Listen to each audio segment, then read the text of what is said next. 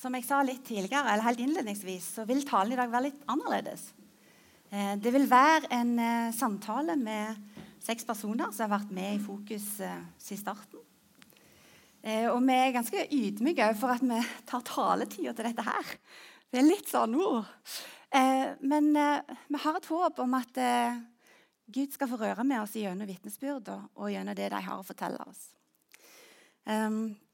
Og først så har jeg lyst til å invitere opp ei dame som jeg tror mange både har sett og hørt. Hun har et stort hjerte for mennesker og engasjerer seg i mye her i menigheten. Dere er kanskje ikke så vant med å se henne her oppe på scenen, men hun har, står bl.a. og lager deilig kaffe i kaffebønnen. Noe jeg er veldig takknemlig for. Jeg tenker å ta meg en kopp etter gudstjenesten. Eh, og hun står og lager grøt hver torsdag for dere som er på barnelek. Hun er gift med Aslak Tveita. Og da er det jo kanskje ikke så veldig mange andre det kan være enn Vigdis Tveita. Kom opp her. Ja, gi henne en applaus.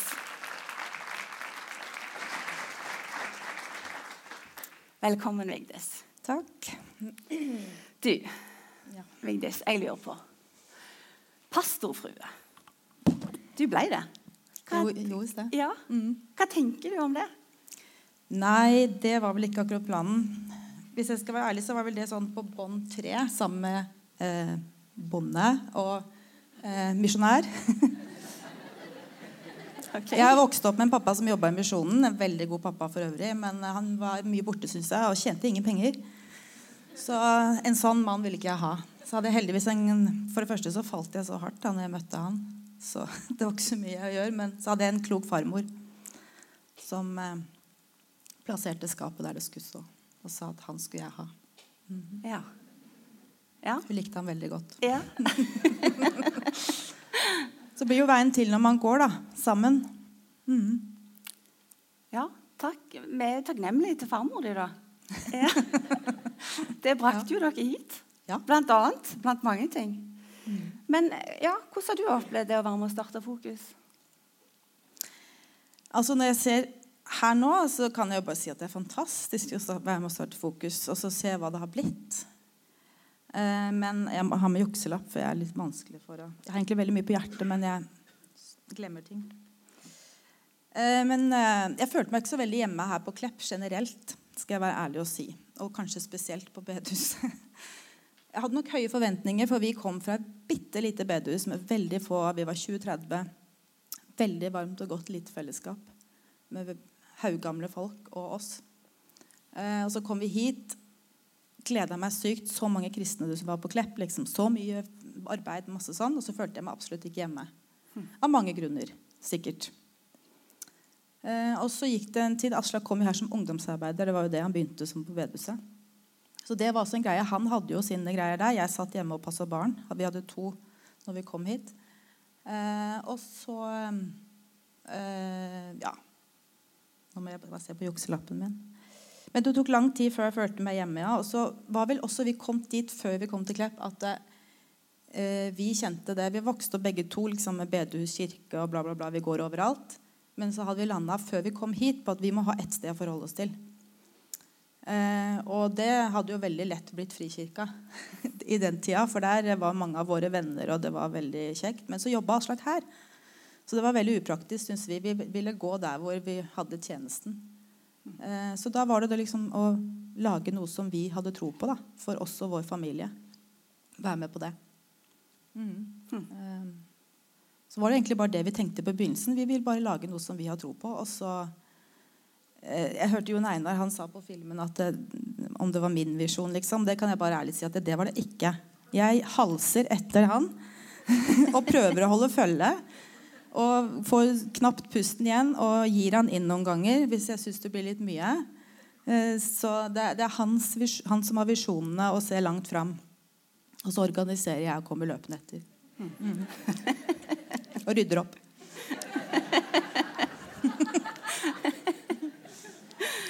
Men du nevnte det at ja, når du ser her utover, så vil du si at det var lett. Men, men hva har vært vanskelig? Nei, Det som var vanskelig, det var vel egentlig at det, vi opplevde vel at det ble litt sånn eh, nedsnakk blant eh, mange andre. Ja. Mm. Fra andre kristne. Vi hørte mye løgn, for å være helt ærlig. mye som ikke var sant om han, som han hadde sagt eller gjort. Masse uklokt gjort av oss også. Ingenting tilbake for det. Men eh, akkurat det var veldig vondt, og kanskje spesielt når det blir sagt om den du lever med og er glad i, og, og etter hvert også av og til gikk utover ungene våre. Det var vondt. Det har vært vanskelig. Mm. Hvor har Gud vært midt i dette? Nei, han har jo vært der, da. På, eh, ja, på mange måter. Um, jeg vil jo kanskje si at nå er det det fokus som Gud har brukt til å holde meg og vår familie nær til seg, blant annet. Sant? Jeg har aldri hatt en sånn eh, Jeg liker ikke å stå på en talerstol og snakke og lage en tale og alt det der, men eh, før vi kom til Klepp, så hadde vi besøk av noen venner en gang, og, da var jeg litt sånn Uff, nei, jeg liker ikke det der. Jeg har aldri lyst til å dele sånn Bibelen med andre. Jeg liksom klarer ikke å formulere meg alt det der. Ja, men hva liker du, da, sier han. De var også engasjert i menighet i Oslo.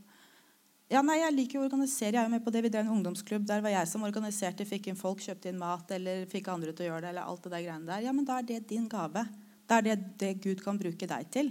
Og det har jeg liksom på en måte alltid hvilt litt i. At vi har forskjellige ting. da. Og det var min greie. Så kan jeg halse etter han, så kan han tale eller snakke eller Ja. Og så er det det Nå har fokus brukt, eller Gud har brukt fokus for oss. Og så bruker han andre ting for andre. Ehm, og så Ja. Men Var du må spørsmålet? Ja, det, det var fint svar. Altså, dere har jo vært med på masse. Har du noen historier som du har lyst til å trekke fram? Uh, ja. Ja. En tanke når vi starta Fokus, det var jo at vi hadde lyst til at det skulle være et mer inkluderende fellesskap enn det vi kanskje opplevde eh, sjøl. Og det kan like gjerne være vår feil at vi ikke opplevde det, at det var det vi kom til. Men, eh, så det familiekonseptet ble ganske sånn eh, viktig og klart og tydelig. Og som vi hørte flere sa her på videoen også, at det er liksom noe av det som mange sitter igjen med. Eh, jeg husker at vi var veldig opptatt at vi skulle hilse på nye. Nå er, jo, nå er vi så mange at jeg kan gå ut herfra og liksom, Jeg var de der i dag? Og så spør jeg Aslak, og så liksom, nei, ja, de var der, og jeg har ikke sett dere. Sant? Så det er jo det som blir drawbacken når vi blir mange. Og det blir jo ansvaret på hver enkelt, at vi må være flinkere til å se hverandre, og ikke bare Ja. Eh, men eh, jeg husker Jeg har lyst til å dra fram tre små ting. Odny Østebø har jo blitt nevnt der. Er du her, Odny? Nei, hun er ikke her i dag. Synd, altså. Det var en fantastisk video. Det var hun og Tønnes som da hadde ballen mellom seg. Uh, hun sto her etter en gudstjeneste i det gamle bedehuset. Og så liksom du, men vi skal, bare, vi skal på middag til hele landet, foreldrene til Tønnes. Men, men nå, må, eh, nå har jeg helst på de og de og de. Altså, er det noen andre nye her? Er det noen jeg har glemt? Så det var liksom, eh, og det, det, det er ikke hun bare, men det var bare, hun er jo så energisk, så det er hun jeg kommer på, og hun jeg ser for meg. For det bare spruter rundt henne. Så liksom, hun måtte hilse på alle som var nye her. Og gjerne invitere de hjem. Hun har lagd sykt mange middager og lunsjer. og jeg vet ikke hva hun ikke har lagd. Og så snakka Helene Halvard om eh, når de mista Olav. og det er jo også en sånn, eh, det tror jeg var, Da tror jeg veldig mange av oss som var med den gangen, og mange kom og sa det etterpå også, at de inviterte oss inn i sin sorg. Og det var mektig å være med på. Um, nå begynner jeg sikkert å grine, for det gjorde jeg stad òg. Når jeg så Olav på filmen her. Um, men da fikk vi lov også å være med og så uh, hjelpe de. Altså, jeg husker jeg og Odny gikk her også um, på det gamle bedehuset og, og, dekka til minnemøte. Um, og sykt mange folk som var med på det. Altså Bare få lov å være med og delta i noe så Og at noe så forferdelig kan bidra til liksom å få en sånn god fellesskapsfamiliefølelse. For det var virkelig det vi satt igjen og kjente på, vi som fikk være med på det. Um, så var det én ting til, og da tror jeg nemlig jeg må ta på meg brillene. Husker jo ikke vet du hva jeg skrev ned. Jo, jeg ble jo syk sjøl òg. Fikk ulcerøs kolitt i 2014 og var fysisk dårlig i veldig mange år. Og så ble jeg frisk med medisiner. Og eh, lang historie kort. Vi fikk middag på døra. Vi er en av de som har fått det i en måned. Sykt vanskelig å ta imot og si ja. Men jeg fikk egentlig ikke sagt ja, for Haldis Noraberg hun sa at da sier vi det. Da gjør vi det. Av og til er det litt greit når andre tar det valget. Og så um,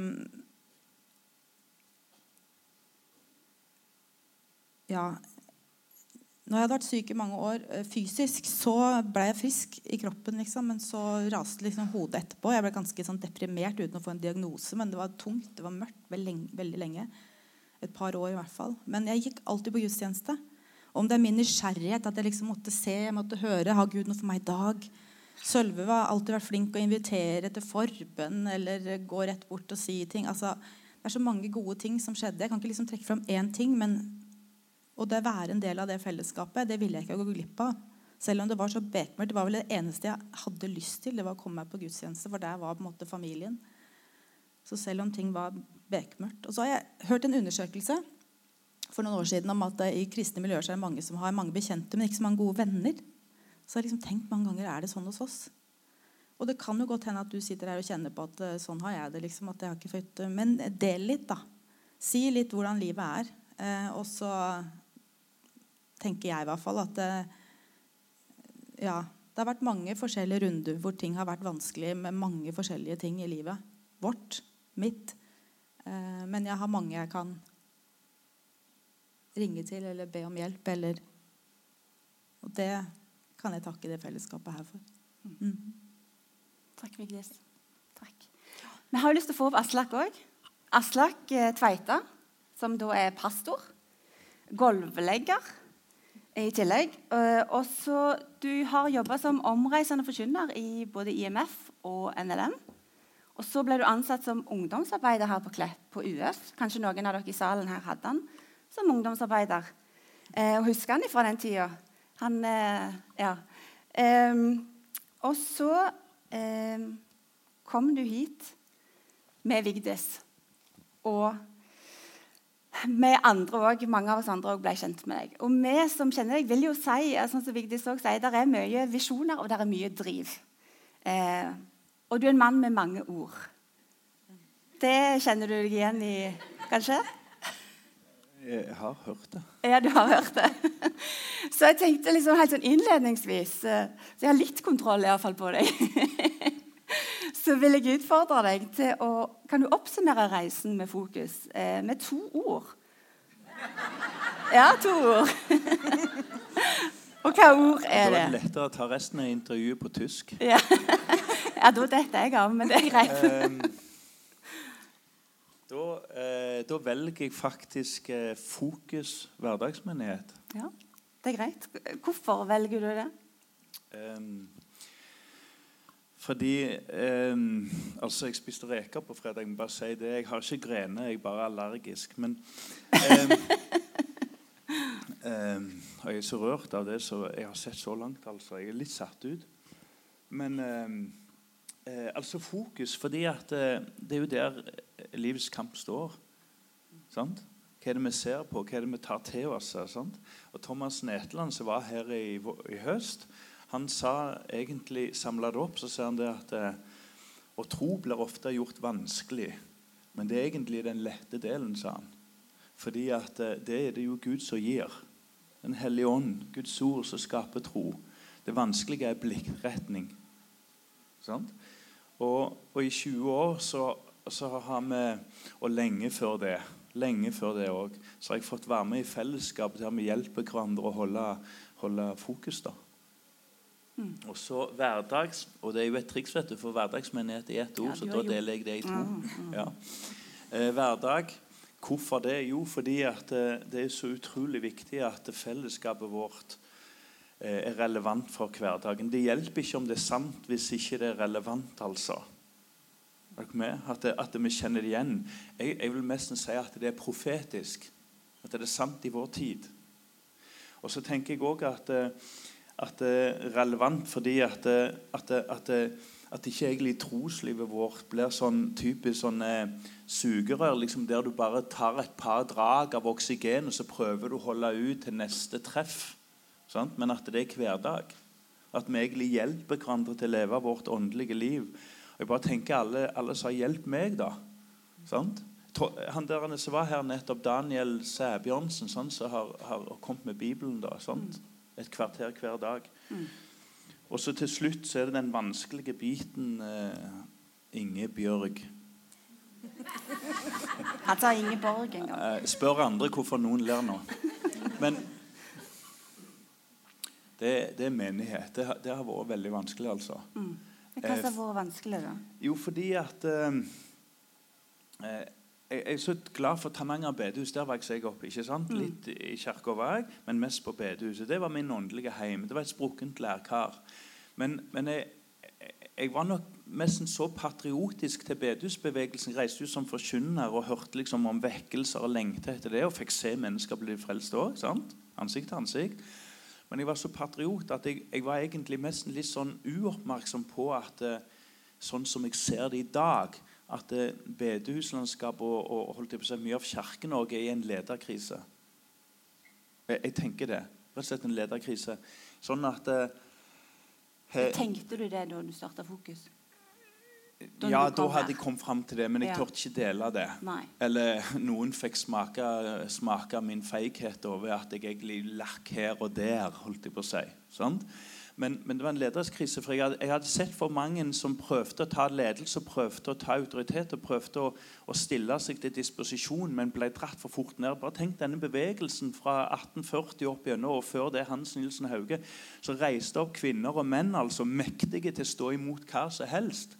Og så kjenner jeg på at vi ligner for lite på det. Og jeg så òg på Klepp at det var for mange menn og kvinner som prøvde å ta grep, og ikke helt fikk den autoriteten som de skulle hatt, og det mandatet de skulle hatt, som sto i forhold til det vi ba de om. Og Jeg var rett og slett litt redd for å gå der sjøl, så jeg, jeg, jeg ba så aller ydmykst om å få være pastor. For å både kunne få den støtte og den ansvarliggjøringen som, som må til. Sånt? Men det er ikke så kult av en tveite å be om å bli pastor. da. Sånt? Jeg er ikke oppdratt til det, for å si det sånn. Og så Men, tenkte jeg på en men ja, men, altså, du ble pastor. Ble du pastor fordi det begrepet begrep altså, Kan du forklare litt mer om hvorfor pastorbegrepet Hvorfor du ville ha det? Nei, å, Nei. må ikke begynne, vet du. Du ba om to år. Men, Nei, det- du, det går- det jeg tenker bare, Det er ikke sikkert at alle i salen klarer å, å følge deg der. For det er ikke alle som er vokst opp på bedehuset. Det er ikke alle som kjenner til den historien som du beskriver. Og så sier du det at eh, ja, du ville bli pastor. Og hva handla det om? At du ville det, det handler om at eh, jeg fant ikke sjøl ut av det det som, det som var en velsignelse, alle disse misjonsbevegelsene, høykirkelig, lavkirkelig All den her buketten som bedehus og lavkirkeligheten var i Norge. Etter hvert så, så tror jeg jeg sjøl sto i en tid der at det, det hadde ikke synergi. Er det lov å bruke det ordet? Det hadde, ikke, det hadde ikke driv. Det var vanskelig å finne ut av det. Det var liksom om å gjøre at ingen organisasjoner stakk av med førstepremien. holdt jeg på å si. Det var, og så ble det en sånn det ble, det ble så flatt, flat struktur at jeg tenker at jeg klarer ikke å lede i dette her. Og det er jo da vi kommer over på min egentlig dypeste krise. Og det var det at eh, jeg prøvde på et vis å lede ungdomsforeninger. Klepp kristelig ungdomsforening. En fantastisk tid sammen med fantastiske ungdomsledere. Men så skjønte jeg etter hvert For det var vekst, altså. Jeg tør påstå å si det. Så skjønte jeg etter hvert at for mange av de sentrale ungdommene så ikke ei framtid på eget bedehus. Og det, det tålte jeg ikke å leve med. For hvis de gikk til vår gode frikirke og kirkene rundt forbi, så, så var det ingen nau. Hvis vi bare kunne få være en sånn en flyplass de landa på, så fløy vi videre. Men altfor mange forsvant vekk. Og Derfor er min appell altså at dere som er med i Fokus, skal, at vi skal snu oss og se at vi prøvde å ha, prøvde å ha en trosopplæring 0 100 år. Og tusen takk, Siren, for at du ga det form og farge. Så du, du starta egentlig fokus fordi at du så at det var noe som mang- eller Du opplevde at dere opplevde at det var noe som mangla. Og dere hadde lyst til å ha en tydeligere retning. En plass der ungdommene bl.a. kunne se seg sjøl etter de var ferdige som ungdommer på UF. Ja, altså, i går, ja, ja. Ja. I går var det 200 og et eller annet ungdommer her inne. Martin Cave skulle komme. Stemmer det at han ikke dukket opp? Den fant den. og så blir det lovsangskveld. Og, og, så, og så var ikke jeg der, men så møter jeg øynene på de som var der. Og der er det enkeltsjeler. Og vet du hva?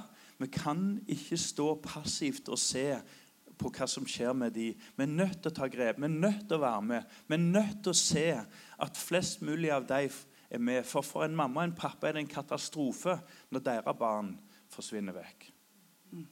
Derfor en menighet i funksjon og dysfunksjon det er veldig alvorlig. altså. Jeg har lyst til å ta dere litt tilbake, for dere nevnte sånn som du, Vigdis, du nevnte at det var, litt, eh, det var ting som var vanskelig. Dere sa, du Asle, òg sa det på, på, videoen, at det var eh, du, Dere gjorde det rette på en litt klønete måte. Kan dere si noe mer om det? Altså, for Dere var jo ganske unge når dere gjorde dette, her, og dere hadde jo ikke starta noen menighet før. Um, er det noe dere angrer på? Ja. Enkeltmøter med, enkeltmøter med mennesker. Jeg skulle ønske jeg så klare. Jeg skulle ønske jeg tenkte meg om. Jeg skulle ønske jeg var tidligere. Fordi det er mye lettere med folk liksom, som sier sånn. Og det, det, litt, det, er egentlig litt sånn hjelpeløst når det er så mange fantastiske mennesker på Klepp som har bodd her i mange år og stått i en helt annen forpliktelse enn oss innflyttere. Mm. Og så velger jeg å samle noen hjemme hos oss. Det er jo korrupt. Det er ikke greit. Men det var et, en eller annen klønete måte å begynne i en ende og se om det er noen som har lyst til å være med. Og jeg kjente på en, en jeg, kjente, jeg kjente på, på en, på et vis en hjelpeløshet. Hvordan møter jeg de som står i en mye mer vanskelig situasjon her? Så ikke bare sånn uten videre Ja, det blir vi med på. sant? Og så i møte med de så gjorde jeg mye dumt. Mm. Så var det jo ikke sånn at vi starta en menighet først heller. Vi begynte først med et møte som bare Så ble, balla det på seg. Mm. Mm. Vi må gå litt videre, for jeg ser at klokka den går veldig fort. Eh, men dere har jo sagt at det er mange som har vært stått sammen med dere i dette. Og det er kanskje det, Vi har hatt litt sånn samtaler i forkant, og det er, litt, altså det er, det er så utfattelig mange eh, som eh, dere sitter med en stor takknemlighet til. For det, er så mange som har lagt ned så mye tid, krefter og energi eh, i dette her. Og det er mange som kunne sittet her oppe på scenen i lag med oss nå. Eh, men vi har lyst til å få opp to par til. Eh, det er Kirsten og Edvik, Edvin Vestvik. Vil dere komme opp? Og Anne Solfri og Oddvar Brennhovd. Aslak, Edvin og Oddvar det var de tre som skrev unna som initiativtakere på det stiftelsesdokumentet. Jeg skal liksom snakke litt formaliteter her. Som ble da 11.1.2008 så ble Fokus hverdagsmenighet stifta. Og eh, da var formålet det var å starte en menighet som hovedsakelig var basert på frivillig arbeid for å nå ut med evangeliet om Jesus Kristus. Men Edvin og Kirsten, jeg har lyst til å begynne litt eh, med dere. For dere, altså Aslak og Vigdis de var tilflyttere. Men dere bodde her på Klepp og var engasjert på bedehuset. Du, Kirsten, du var bl.a. An, eh, med og ansatte Aslak. Du satt i bedehusstyret. Sørga for at han kom her som ungdomsarbeider.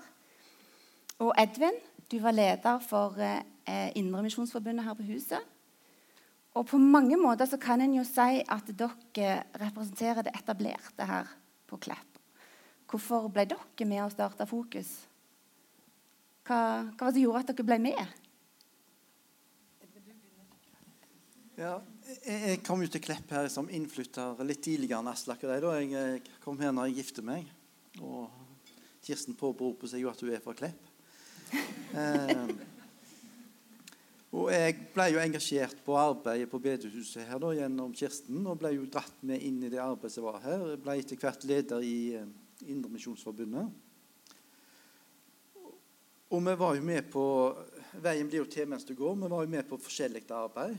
Eh, men hovedsaken av det arbeidet vi drev med, seg, var på kveldstid. Retta seg inn mot voksne. Og vi så jo sjøl, vi som satt i styret i Indremisjon på den tida, at vi, vi, sleit litt. Vi, vi famla litt etter veien vi skulle gå. Og Jeg husker spesielt en gang, jeg tror det var i pinsen vi skulle ha møte her. Vi hadde jo fått taler som skulle komme. Eh, og det var meg som møteleder møtte opp. Og så møtte jo taleren opp, og så møtte de kanskje tre eller fire personer til. Han Taleren da, som var en, eh, kom fra Indremisjonsforbundet, han var fritidsforkynner og gjorde dette på frivillig basis. Og han oppførte seg jo fint og helt til møtet var slutt. Og så sier han til meg etterpå Vi må sette oss ned og tenke over hva vi holder på med. Vi kan ikke fortsette på denne måten. At vi legger ned en del arbeid, og så får vi liksom ikke det resultatet som vi har håpet på eller ønska da. Og, så, ja, og det var litt grunnen til at jeg gikk inn. Og så hadde jeg jo veldig glad i bedehuskulturen. bedehuset. Ønsket på en måte å være med å satse videre på, på bedehuset. Aslak var jo tilbøyelig til å kunne starte i en gymsal. Jeg var mer tydelig på at hvis vi skulle starte, så var det på bedehuset jeg ville være med. Kirsten, da?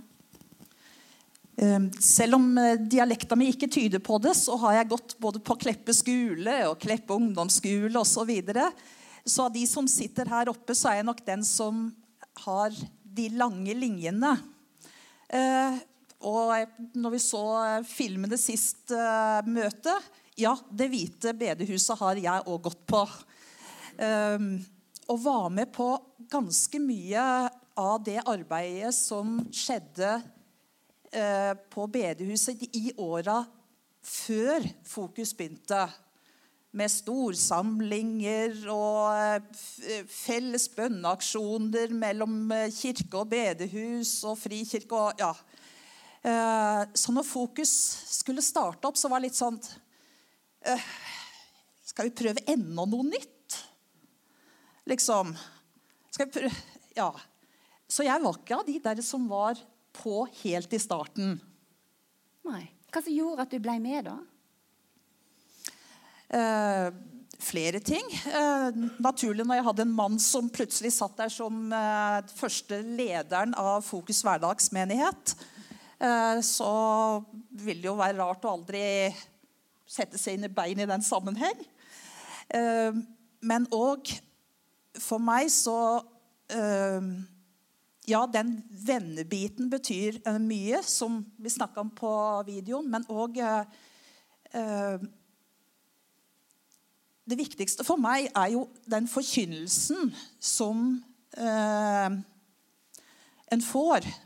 Og jeg ønsker å gå et sted hvor det som forkynnes, er ut ifra Bibelen og Noen ganger så kan det være så, og noen ganger kan det være så, det som kommer her også. Men eh, det er det grunnleggende egentlig for å gå her og ikke enkelte andre steder. Nå sier jeg ikke noe om andre, men jeg sier noe om her. Mm. Mm. Oddvar Anne Solfri, dere er jo altså Anne Solfri, du er, er søster til Aslak. Så det er liksom greit med sånne ting. For dere, for, uh, I hvert fall syns jeg det er veldig sånn kjekt å vite plassere folk. Så nå har dere plassert det, for dere som ikke visste det. Uh, men dere òg ble engasjert i Fokus. Uh, Oddvar han har vært styreleder i mange år. Anne Solfri har drevet kor, vært aktiv i lovsang. Altså, har, dere har gjort utrolig mye forskjellig opp igjennom. Um, hva var det dere drømte om? Uh, for fokus. Jeg vet dere syns at det, ordet 'drømme' er litt, sånn, ja, litt skummelt. Men det er lov å si at dere drømte om noe. Anna Solfri? Jeg er ikke skrudd sammen helt som Aslak. Jeg er mer en eh, gjennomfører, ikke den som eh, kommer på alle tinga. Eh, så det var han som sto for drømmene. og som, Alle som har vært innenfor en fem meters radius av Aslak, de blir bare sugd inn, og så får du en oppgave. Men, men det var, har vært en gave, altså. ikke en, bare så det er sagt. Men, men den Eh, vi satt med første ungen og skulle ha dåp. Eh, og kunne ikke den gangen av ulike årsaker ha det her på, på, huset. Og det var her vi kjente folk. Så vi hadde dåp i en annen menighet. Og jeg husker jeg kikket meg rundt og tenkte disse menneskene lover å være med og oppdra mitt barn i den kristne tro. Men jeg kjenner dem ikke, og jeg er ikke sikker på om jeg kommer til å bli kjent med dem. Og det igjen har ingenting med den menigheten å gjøre, men det ble veldig sånn tydelig for meg at jeg ønsker meg et fellesskap der, eh, der, de voksne kan være med og kjenne mitt barn og være med på oppdragelse. Og det fikk jeg, for jeg husker Arnfinn kom en gang og hilste på mine unger og lekte med dem og tulte med dem, heiv dem på hodet. Og de syntes det var veldig gøy å komme her og kjenne at det, dette er min familie utenom, utenom familien. Så det fikk vi i hauger og lass og mye mer enn det vi drømte om. Ja. Oddvar? Ja, nei, Det er som når du spør om drømmene, så, så tror jeg ikke Som Vigdis også sier, visjoner og drømmer var ikke det som eh, jeg hadde da. Så trodde jeg.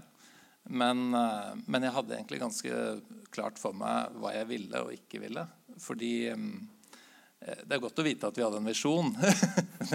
Noe jeg egentlig ikke tenkte så mye på da. Men eh, jeg, vi kom her som 27 og 28 år gamle Eh, inn til bygda. Eh, hadde akkurat kommet ut av studiene. Kom fra egentlig sånn eh, ikke-forpliktende studentlag for min del. Hadde vært med, men etablerte oss en ny plass. Det er 19 år siden. Vi hadde ingen unger da. Anne Solfrid sier det, det med dåpen, men det kom, det kom jo et år etterpå. sånn sett. Men min drøm det var jo å ha tilhørighet til et fellesskap eh, hvor jeg kunne eh, ikke bare komme sjøl, men komme med hele familien. Eh, både på det sosiale, som vi har sett eh, at vi har hatt utrolig mye av, men, men også det åndelige. Fordi eh, det var ikke et idrettslag vi, vi heiv oss inn i. Men vi ville ha noe vi eh, kunne være med på da, i, i, i lang tid. da. Ikke bare to-tre år, og så komme inn i noe annet. Men, men drømmene nå, lå nok der ganske godt for min del fra, fra, tidligere. fordi jeg har ikke vokst opp med forsamling i den, den grad, men jeg har ønska, ønska det, da. For mine unger, for min familie. Mm. Hm. Og det opplever dere begge sier at dere har fått. Egentlig alle dere sier at dere har fått. Eh, at dere har fått en familie eh, og et fellesskap der ungene deres kan vokse inn i. Eh, hvordan har dere sett at Gud har vært med i dette her? Edvin? Ja, ikke, jeg tror det i Korinterbrevet det står at uh, det er en vann og en sår og en vanne, og så er det Gud som gir vekst. Og jeg tror uh, personlig har fått vokse. Jeg ser at menigheten har vokst. Og bare for, for det at vi har fått til konfirmantundervisning, det er jo tydelig sånn tegn på at ja, dette er noe Det er ikke noe vi bare gjør, men det er noe som Gud gjør. Vi er jo bare noen brikker i, i, i, det hele, men det er Gud som gir veksten og leder arbeidet. og han, Jeg ser tydelig i hvert fall i mitt eget liv at han har åpna dører og lukka dører. Eh, sånn at vi har på en måte fått på plass ting som skal være her da. Vi har jo startet, vi har jo hatt så mye forskjellig som vi har starta med. Og så ser vi da at det, liksom, det er bare noe det står igjen, og det er det som Gud har på en måte lagt til rette for skal være igjen. Mm. Tror du det Eller ja, er det noen som har bedt og forberedt grunnen for det? Tror du? Ja, jeg vet jo det. Jeg eh, traff jo på ei av de eh, eldre damene etter et møte. Og så sier hun da litt bekymra med å bedt og bedt om at det skal komme noe etter oss her på huset. Men, men, det er jo ingen som kommer på møtene våre. Og så sier jeg til henne ja, men, men se på oss, da. Eh, se på fokus. Det er jo vi som kommer etter dere. Og så sier hun da ja, på den måten har jeg ikke tenkt på det før, sier hun.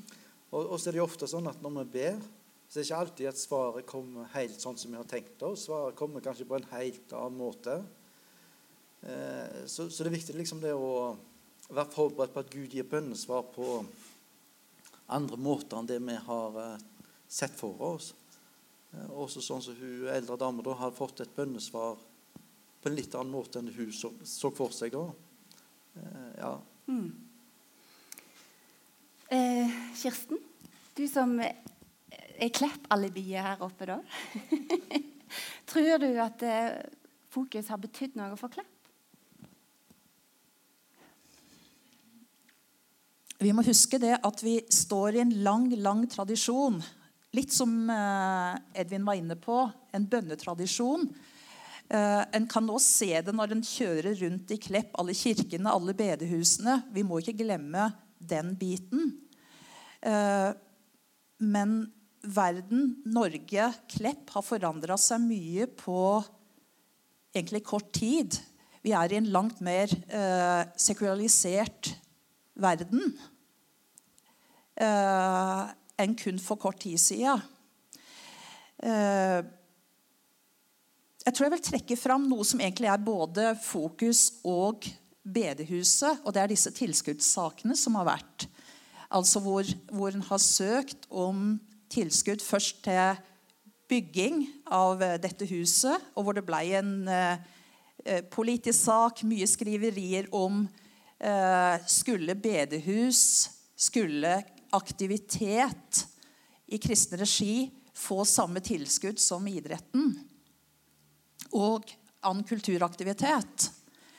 Eh, der har for det første Fokus og bedehuset sammen med andre forsamlinger rundt her vært ganske tydelige.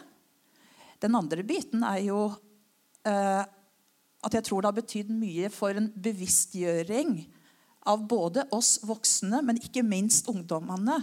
Tenk på disse som er fra 15-16 år oppover, som satt og skrev høringsuttalelser til politikerne og sier ja, ser dere ikke hvor mye dette betyr for oss? Um, og, og, når um, um, ja, Jeg tror det har betydd en bevisstgjøring, rett og slett. Mm. Mm. Og ikke minst av, av ungdommene. Mm. Og jeg tror kanskje det er en grunn til at vi sitter her så mange nå. Og at uh, ungdommene òg er så mange At en har tatt, må tatt noen sånne valg hvor hvor vil jeg høre til? Hvor skal jeg fortelle at Hva bruker jeg tida mi på? Uh, og det er tror jeg vanskeligere nå enn for bare få år siden å si hvor hører jeg til? Nå sitter vi jo her i dette flotte bygget. Eh, det er 200-300 ja, Nå har jeg ikke telt her, da. Det er litt skummelt. Jeg er egentlig regnskapsfører. Så, Men eh, mange, mange hundre i hvert fall, for på gudstjenester. Og ungdommer og voksne og barn. Og det yrer av liv eh, gjennom veggene på dette huset her. Um, og nå har dere fortalt litt om historien. Det har vært mye fokus på hva som har vært. Men hvis vi ser framover, da hva drømmer dere om eh, framover? Anne Solfrid? Jeg begynner. Ja. Eh, jeg drømmer om at vi ikke blir fornøyd. At ikke vi slår oss til ro og tenker vi har klart oss. Vi, nå, nå, har vi våre venner og våre unger går det greit med. Og, men at vi hele tida tenker at eh, vi har et ansvar for, for eh, alle som ikke har hørt, og alle som trenger et fellesskap. Jeg drømmer om at et fellesskap kan utvide seg eh, til ikke bare nødvendigvis tenker at her skal jeg komme med min familie, men her skal jeg komme når jeg er alene. Når jeg har mista noen, når jeg kommer fra et annet land. Når jeg, eh, eh livet ikke gikk som jeg tenkte. Det er en veldig sånn udefinert mål, men at man hele tida ønsker seg eh, å se nye, nye mennesker som kan få kjenne at de kommer hjem, og at de får møte Jesus. Mm. Jeg drømmer om at flere blir bevart, og flere blir frelst. Det er mennesker som blir frelst her, midt iblant oss. Det er ungdommer som blir frelst. Og Jeg har en drøm om at mitt navn forsvinner vekk, og at bedehuset står sterkere når meg og Vigdis trekker oss ut eller dør. Var det voldsomt, det, Vigdis? Mm. Jeg vil begraves her. Det, det, er ikke sant, det er ikke sant at jeg går foran hun. Vi går i ring. Hun har ikke skjønt at hun er foran. Men men, men, hør, jeg har en drøm til alle oss her om at eh, med hver enkelt Det ligger voldsom kraft i det. Det er det som er lekmannsarbeid. Det er det som er nådegaver. At hver enkelt spør hva har du, Gud, for meg? Hva har du for mine? Og hva har du for Klepp? Og hva har du for de unådde? Det har voldsom kraft i det. Jeg har en drøm om det. Mm. Jeg glemte dette i stad. Dette er et bønnekort for dåpsbarn. Eh, som deles ut, eller er mulig å ta med hjem hver gang vi har dåp her. Og jeg pleier å ha en runde med de av og til. Akkurat her står det David Gilje Brekke. Eh, her står det en liten setning. Vi ber deg for dåpsbarnet, for familie, venner og hjemmet det hører til i. Velsign barnets framtid.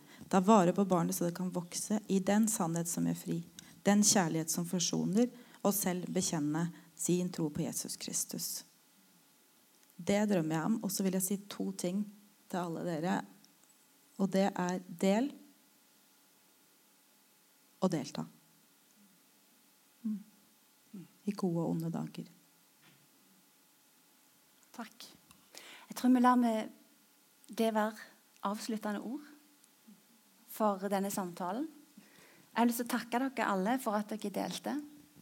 At dere var ærlige og åpne, og, og lot oss alle få være med i den historien som dere har vært med på. Eh, og jeg sitter iallfall her med en enorm takknemlighet for alle dere som er ildsjeler, og som har vært med og bidratt. For det er jo et stort arbeid som har blitt, og som blir drevet her. Og det er helt avhengig av at det er mange som er med og drar lasset.